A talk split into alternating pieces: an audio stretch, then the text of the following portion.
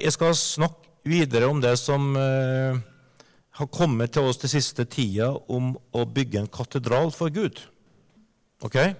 Og bare For å avklare da, hva som det snakkes om her, så sier da, så er det så Bibelen har dette rammeverket her, at Gud ønsker å bo blant mennesker. All religion prøver å flytte Gud langt bort og gjøre Gud fjern og gjør, og gjør han er så langt unna, så hellig og så, så ekstremt uh, borte at vi har ikke nubbesjans til å møte han. Men evangeliet gjør Gud nær. Han kommer i kjøtt og blod. Han kommer som et menneske og sier at 'her er Gud sjøl'. Og det trenger du en åpenbaring for å gripe, for det er helt uhørt at Gud skal være så nært. Men det er evangeliet. Og, og, da, og i denne forståelsen da, av at Gud, at Gud eh, kommer for å bo blant mennesker, så sier da Jesus at vi ikke skal tilbe han i en katedral av betong, av fine steiner. Han sier at jeg skal rive ned tempelet her og bygge det opp igjen på tre dager. Men det tempelet han snakker om, er hans egen kropp. Og Så sier da 1. Peters brev kapittel 2 vers 4 at vi skal komme til Han den levende stein. Da blir vi smitta, og vi blir en levende stein sjøl. Det er ganske, ganske sånn tåpelig ord. En levende stein. Det fins ikke. Fins det? Stein er stein. Stein er ganske dødt. Du skjærer en stein til, og du kan plassere den inn i en mur, og der, der er den. Så det må et mirakel til for du er en levende stein. Så du er et mirakel hvis du har tatt imot evangeliet og blitt frelst. For du var død, men du fikk liv. Og da ble det jo en levende stein. Smak litt på det ordet. Føles det godt å være en levende stein? Men det er i hvert fall sånn, sånn det er da. Og, og, da skal Gud bruke oss da som levende steiner og bygge et katedral i byen vår. Og han har sagt noe sånt som at faktisk han sagt at og det her, er, det her er profetiske ord som har kommet for flere, og det er nesten, nesten ikke tørs å si det høyt når du ser utover forsamlinga her. tenker, Er det her? Men da leser Nehemia. Jeg leste Nehemia siste uka for å få oppmuntring og tro. For at eh, de kom hjem fra Babylon, verdens største rike, enormt rikt. De var, de var Eh, jaga dit, israelittene. De som var igjen, var fattige og syke og gamle og elendige folk. Så kommer Nehemia tilbake. Så sier han jeg skal bygge opp igjen muren. Og bygge opp igjen tempelet, og så sier folk tullball. Hvem tror du du er? Se her. Se folka. Se situasjonen. Babylon eier oss. Vi er finito. Men han gjorde det. Og det Gud har sagt om byen vår, det er at han skal bygge en katedral av levende steiner som kommer til å tiltrekke seg flere folk enn Nidarosdomen. Og vet du at Nidarosdomen har vært historisk så viktig at alle, alle kirker som var bygd i Sverige før 1530, var vendt mot Nidarosdomen. Ikke øst-vest, som alle kirker i Norge er, fordi at du, sola går opp i vest og går ned i øst. Sånn er Norge, norsk kirke bygd. Men i Sverige, alle kirker før reformasjonen bygd i retning Nidarosdomen. Det sier litt om pilegrimsfesten, pilegrimsfokuset, og kirkene, og hvorfor Trondheim var hovedstad i sin tid. Det er en historisk sak, som er lang, jeg skal ikke gå inn på det. Men, men poenget er bare at, at Gud har tenkt at han skal bygge et hus av levende steiner i Trondheim som er mer attraktivt og mer, trekker til seg mer folk enn idrettsdommen noen gang har gjort. Hvis vi skal tro på det profetiske ordet som har kommet til oss. Og ikke bare til oss, men til alt Guds folk. da. Wow. Det er, det er fantastisk. Det er godt å være ung og sprek, da, for vi har litt tid på oss. Men, men da skal jeg snakke i dag om to ting. Hvis det skal skje, så må det være en personlig gjenreisning. Og så må det være en en gjenreisning av Guds hus for at det skal skje. Er dere med på det? Så da skal vi gå til Efeserbrevet kapittel 2. For nå skal jeg prøve å, å, å uh, gi deg noen åndelige sannheter. For det er sånn Gud opererer. da. For det er viktig, viktig å skjønne. Gud opererer sånn at han bare gjør ting. Og så sier han, 'Vær så god'. Han kommer til jord, og så går Jesus omkring. Og så, og så blir han korsfesta, og så blir han eh, lagt i grav. Så står han opp. Ingen bidrag fra noen mennesker av fornuftig karakter. Det eneste de gjorde, var at de drap han. Men det som drap han, gjorde at de fikk frelse. Så skal du skjønne Gud, så må du skjønne at Gud bare gjør ting. Så han etterpå, vær så god. Han bare, går, han bare går til korset, han går i grava, så står han opp igjen og sier nå har jeg stått opp. Vil du være med på det jeg gjør, eller? Du har ikke noe bidrag. Jeg har gjort det, men du kan uh, henge det på nå. Sa han til de gjengen som har både svikta, laug og stakk av og feig var det. Men han sa jeg, har stått opp. Vær så god, bli med.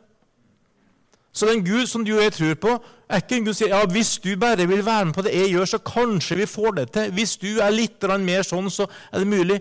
Nei, Gud bare gjør det. Gud er mektig. Gud er konge. Og så bare sier han etterpå Hei, det her har jo skjedd. Det er ditt. Det er ditt. Det har vært, vært et lite amen, det. Jeg liker det. liker det. Hæ? Hvordan da? Yes. Skal vi lese der? Dere har, dere har guts til litt eh, bibellesing i dag. Eh, kapittel 2. Dere var en gang døde på grunn av misgjerningene og syndene deres. Dere levde i dem på den, på den nåværende verdens vis og lot dere lede av herskeren i himmelrommet, den ånd som nå er virksom i de ulydige. Ja, vi levde en gang alle som de. Vi fulgte lystne i vår eget kjøtt og blod og lot oss lede av det og av våre egne tanker. Vi var av naturen redens barn, vi som de andre. Men Gud Ok? Så nå må du se hva Gud har gjort. Se, se hva som er subjektet her. Men Gud er rik på barmhjertighet. Fordi Han elsket oss med så stor en kjærlighet, gjorde Han oss levende med Kristus. Vi som var døde på grunn av våre misgjerninger. Av nåde er dere frelst i Kristus Jesus.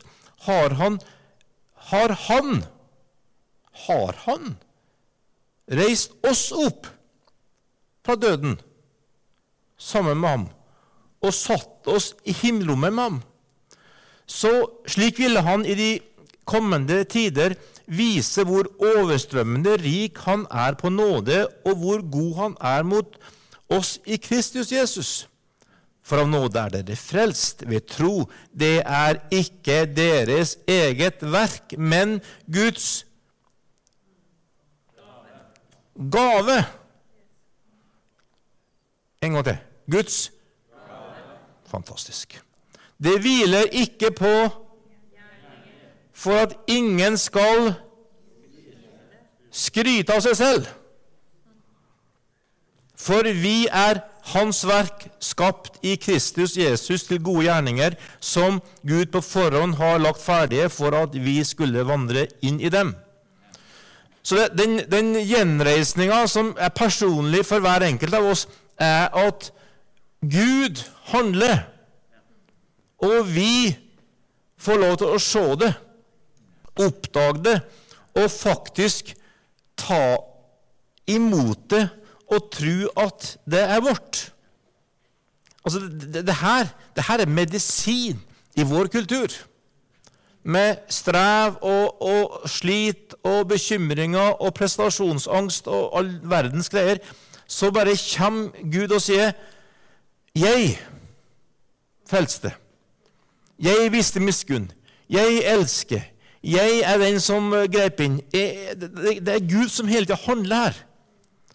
Og vi er bare ved Guds nåde blitt dratt inn i det etter at alt er ferdig. Så han til og med sier at han har reist oss opp fra døden sammen med ham og satt oss under bekymringer og motløshet og elendighet og omstendigheter som nesten tar livet av oss, og det, kanskje vi kommer til himmelen hvis vi er heldige. Nei, satt oss i himmelen med ham. Wow! Da hadde du kommet ovenpå. Du er ovenpå. Ikke i, at du er så flink, og, og, men han har gjort det. Så du bare skjønner at det som, det som han har gjort, er ditt. Og det er en, en fantastisk åpenbaring. Og så sto det i starten at dere levde i den nåværende verdens vis og lot dere lede av herskende himmelrommet, den ånd som nå er virksom i, i de ulydige. Så her snakker vi altså om, en, om, at vi var under den ondes innflytelse, den ondes grep. Så oppdager vi Jesu verk, så tar han oss ut.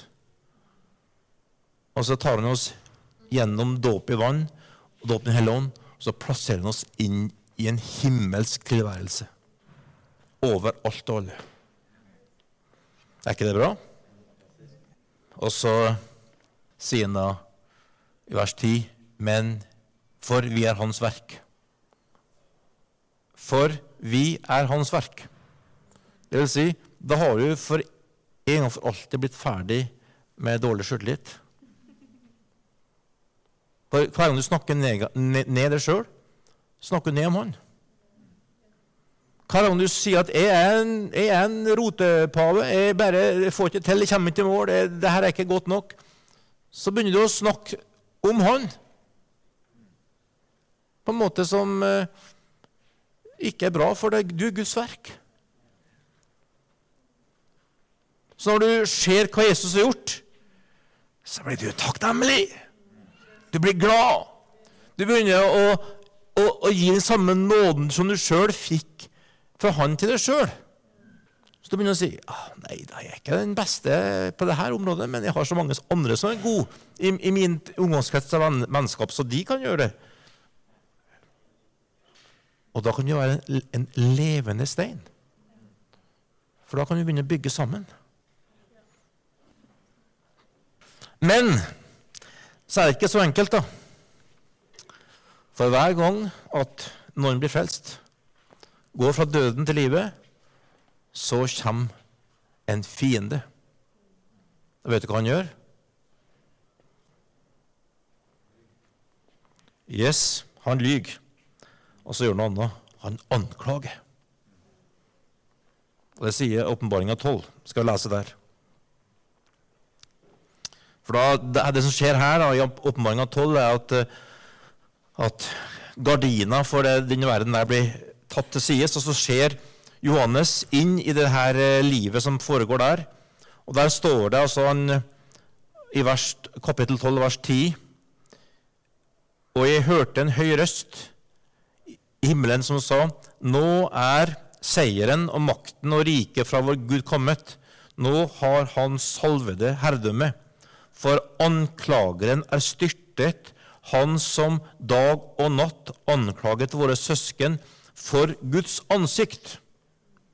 De har seiret over ham ved lammets blod og ved det ordet de vitnet. Og de hadde ikke livet så kjært at de ikke ville gå i døden. Juble derfor, så videre. Så det som skjer, er at den onde taper terreng hver gang noen blir frelst. Og da, og da så, blir, så tar, tar, Gud og så frelser oss og berger oss, tilgir oss, gir oss nåde og kjærlighet, og la oss få oppleve å bli satt i himmelen med Han. Og det er herlig å være der. Så kommer den onde og begynner å anklage. Natt og dag anklagen. Han står der og anklager alle troende, for han vet at her tapper han terreng. Og hvis han får oss til å begynne å se på oss sjøl og se på hvor flinke vi er, hvor verdige vi er, hvor hellige vi er, hvor gode vi er, hvor bra vi er, og, og begynne å få fokus på oss sjøl og vår egen navle, så har han vunnet kampen. Så han har ett et mål. Han kan ikke gjøre noe med frelsen, for den har Jesus gjort. Han kan ikke gjøre noe med tilgivelsen, han kan ikke gjøre noe med det nye livet, for det nye livet er Guds verk. Det Det er ikke noe han kan si ja, jeg tar det fra deg, for du er ikke god nok. Nei, det verket er suverent ved evangeliet. Krafta i evangeliet. Så, så det, det, verket kan ikke han gjøre rør, men han kan prøve å gjøre oss som er satt i himmelen, til sjølfokuserte, depressive, bekymra, motløse kristne. For da har han vunnet. Da blir ikke det katedral i Trondheim by. Da blir det ikke noe misjon i verden. Da blir det ikke noe seier, for vi er nok med å slåss med oss sjøl og våre egne følelser og tankekjør og, og sammenligne oss med andre og konkurrere og isolere oss og trekke oss bort. og. Han står og anklager og, og sier 'Jeg har sett hun der. Jeg har sett hva hun holder på med. Hvem tror du du er?' Står han der og anklager alle de troende. Det står, det står faktisk på gresk her han gjør det kontinuerlig, sammenhengende, natt og dag. Det er, så, det er en sånn push. da. Har du merka det? Merker du pushet som, som prøver å komme på det? Som prøver å trykke det ned? prøver å, å, få det til å, finne ut om er, står det så bra til med meg. Eh, hvordan, hvordan kan du klare å, å, å forlate det greia som du har vært gjennom? Hvordan kan du, kan du tilgi og gå videre? Hvordan kan du stå, du som har det her, du som sa det, du som gjorde det? Hvordan kan du, Så begynner du å, å granske det sjøl, og så begynner du å, å bli innkrøkt. Så vet jeg nå bare like før jeg har det. Men så er det noen som sier det.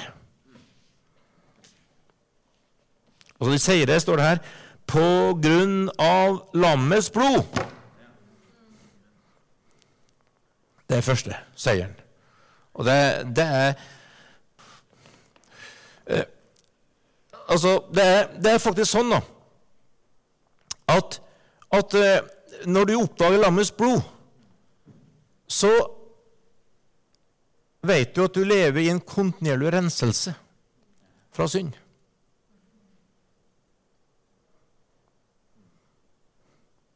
Så da er du ferdig med fordømmelsen.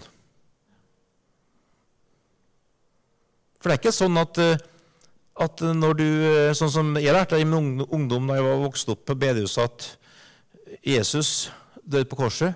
Og når vi tar imot evangeliet, så kommer vi under korset. Og så står Gud som en hellig Gud over oss og ser på oss.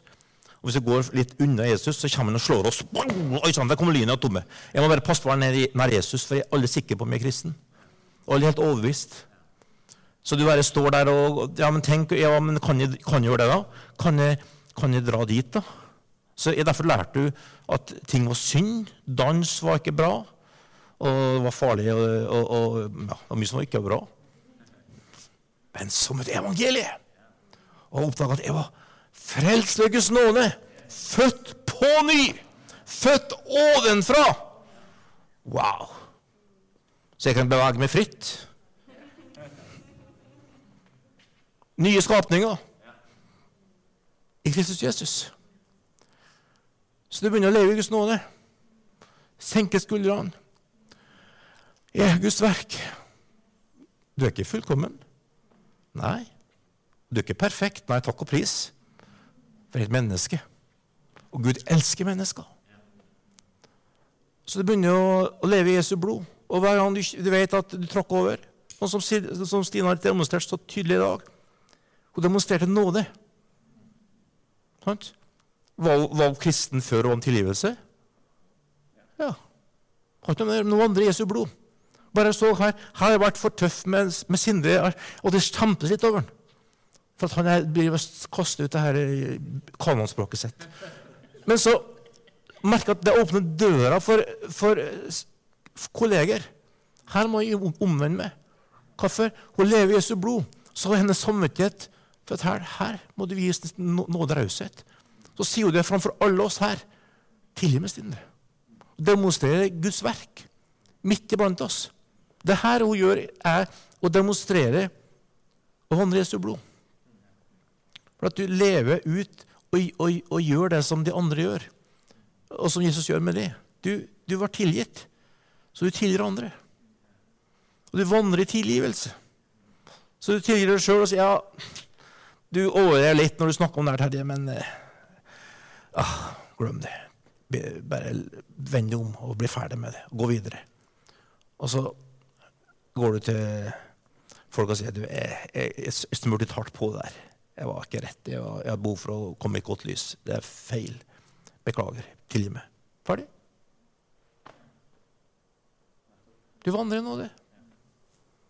Når du lever sånn, så har ikke den onde makt. Han kan komme og si 'du holder ikke mål'. Nei, det stemmer, men han holder mål. Ja, men du kan ikke Nei, men han Du er ikke god nok. Nei, jeg er ikke god nok, derfor har jeg fått Jesus. Så hver gang han kommer og prøver, så kan du parere han med ja, men det er han som frelste. Han berga. Han løste meg ut. Han tilga. Han ga meg et helt nytt liv. Det er, er født ovenfra. Og da kan du kjenne at bekymringene, motløsheten, frykten får mindre tak. For det er ikke opp til det. Det er han som gjør det. Det er fantastisk å ha en sånn Gud. Og så står det faktisk i 2. Korinter 5,21 at vi har fått Guds rettferdighet. Det tror jeg nesten må lese, for det er litt sånn heftige greier. 2. Korinterbrev, kapittel 5. Der snakker han om forsoningens tjeneste, Paulus, og det er helt fantastisk det han skriver der. Og så sier han Han som ikke visste av synd, vers 21, har han gjort til synd for oss, for at vi i ham skulle få Guds rettferdighet. Så du, du har altså fått Guds rettferdighet. Fordi at det er han som gjorde det. Og da slapp du å prøve å leite i ditt eget liv og, og finne på, på, ting hos det. Så, så, og hvis du får åpenbaring om det her åh, Du får et helt annet liv. Du får ikke noen mindre omstendigheter. Du får, du får, ikke mer lydige unger. Du får ikke mer tid. Du får ikke større pengebok. Du får ikke bedre, bedre venner. Du får ikke større, større, hus. Du får ikke bedre kollegaer. Men du får en, en, en, en attitude her inne til å stå. Til å, å reise det. Til å begynne å, å, å, leve på en annen måte enn å komme under sjølanalysen, som alltid analyserer deg sjøl inn i noe som ikke gir deg kraft. For at du kan si 'Jeg har fått Guds rettferdighet ved hans nåde'. Halleluja. Jeg er god nok, for han har erklært det. Og han er egentlig den største. Så når du, Gud, Gud er uenig, så vær enig med Gud. Da får du fred. Det er fantastisk. Og så var det noe annet han gjorde her, som, han, eh, som, han, eh, som jeg sier. Det er det det er ved det ordet vi vitnet. Altså, de sa noe. Det han sier. Jeg var veldig happy i dag da jeg fikk høre vitnesbyrd om de kyllingene. Vet du hvorfor? For de fleste vitnesbyrdene som du og jeg har opplevd de siste to-tre ukene, to-tre månedene, føler vi er så smått og lite at vi tør ikke å si det høyt. Ah. Så vi kommer på møte, setter oss i ro, synger noen sanger, og så eh, takker Gud, og så går vi hjem. Og så kommer ikke vitnesbyrda om hva Gud gjør iblant oss, fram. Fordi at det, det er jo så lite.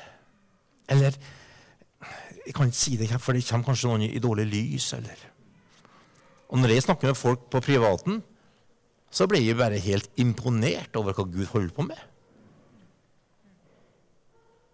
Jeg bare tenker Gud i himmelen, altså. Det, det vitnesbyrdet som du hadde fra jobben, jobben din, uh, Sindre, det var helt fantastisk.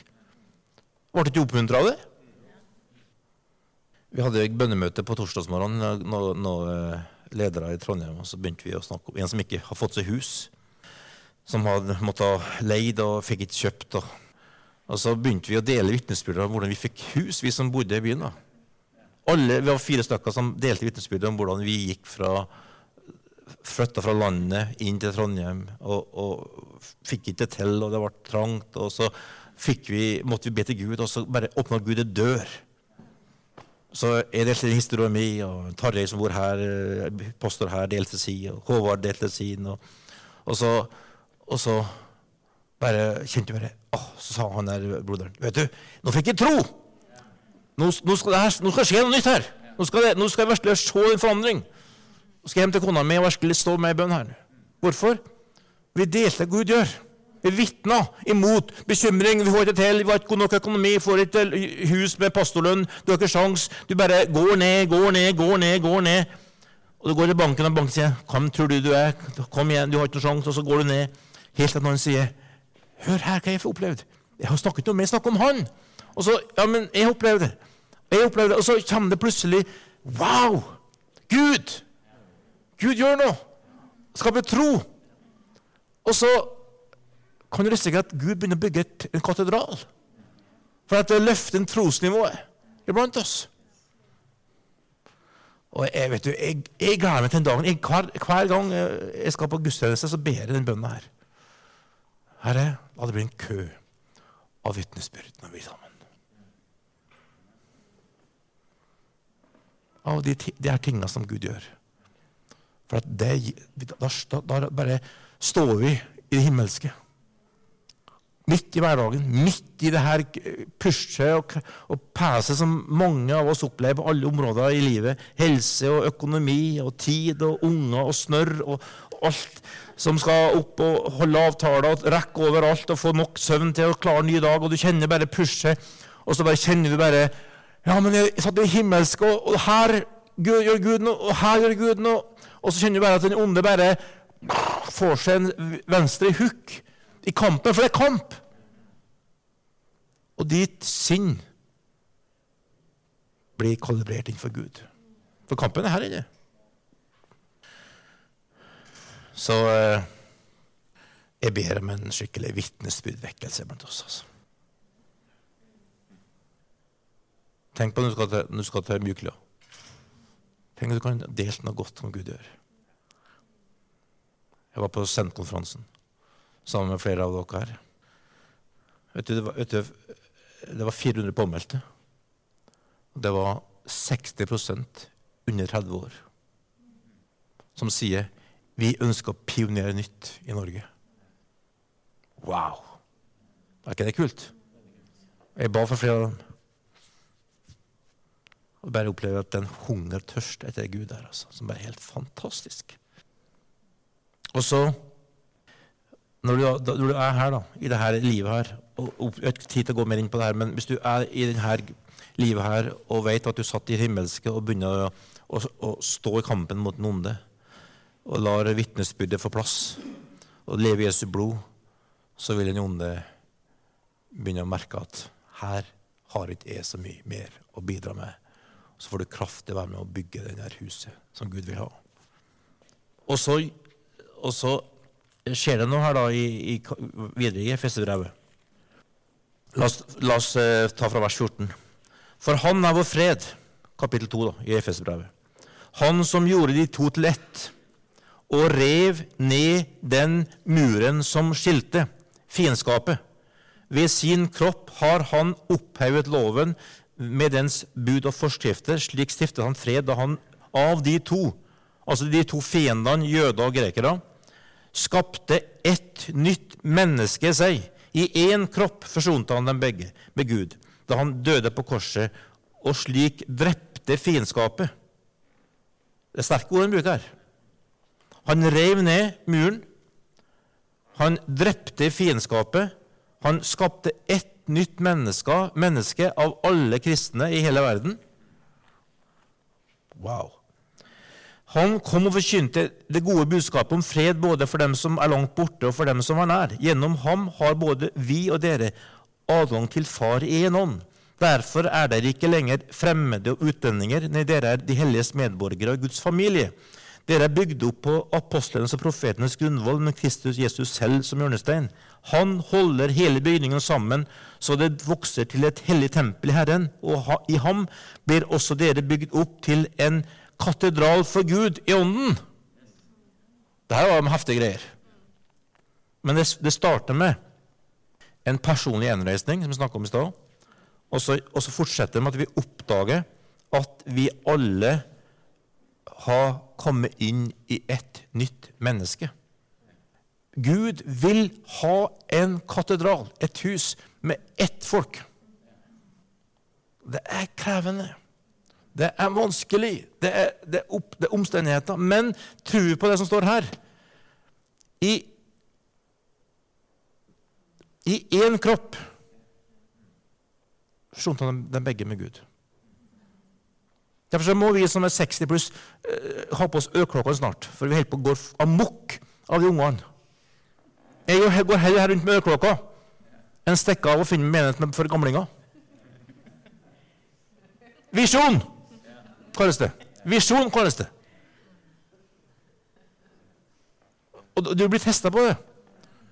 Men ser du en visjon av Kristi kropp der alle er en, og Gud skal ha en katedral i byen her, er, så, så, så, vi, så, takler vi toåringene og 20-åringene. Vi takler tenåringene med hetta over hodet, og de har ikke lyst til å treffe deg. og du sier noen ting til dem som, du, som bare forteller dem at du er verdifull, at du elsker Gud, og de kommer til å huske på det resten av livet. Jeg vet det sjøl. Jeg stod på bedehuset som 13-åring og følte meg fullstendig satt ut av det der gamlisene. Så kom det en gammel mann til meg og tar til livet mitt. Og jeg bare tenker bare ordet her husker jeg en dag i dag.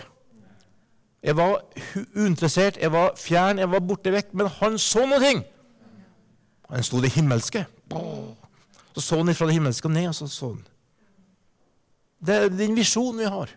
Og som det koster det mye, men det, det, det, er ingen problem den dagen det her står, og folk vil si halleluja. Men å komme dit er litt mer tungvint enn å ha en ungdomsmenighet eller en familiemenighet eller en, en gudstjeneste da, for da skal de være sammen på sine premisser. Nei, men vi driver og holder på med noe som heter for en bolig for Gud, vi. Og, det, og da, litt, og da sier han at han vil ha alle inn. Og når all, første menigheten ble født i Apostel Gjerninger 2, det var i hvert fall tolv språk. For det tungetallet de fikk, var, var nasjonale språk som var snakka rundt Middelhavet. Og Det skapte jo røre. Det ser du i kapittel 5 og 6, der, der, det ble bråk, og de måtte ha diakon osv. Hvorfor ble det sånn? Jo, fordi at Gud vil ha ett folk i Kristus. Dette er et apostolisk evangelium, folkens. Derfor, derfor dere driver og bygger med oss. Det er utrolig sirup, for det er så lite, lite trendy og lite, lite action. og det, Vi skal ha med oss de her toåringene, og vi skal ha med oss alle de her ulike folka. og Det er så tungvint og det er så krevende, og det, så lett, det krever så mye. Å. Men du har visjon, og du sier 'yes'. Amen.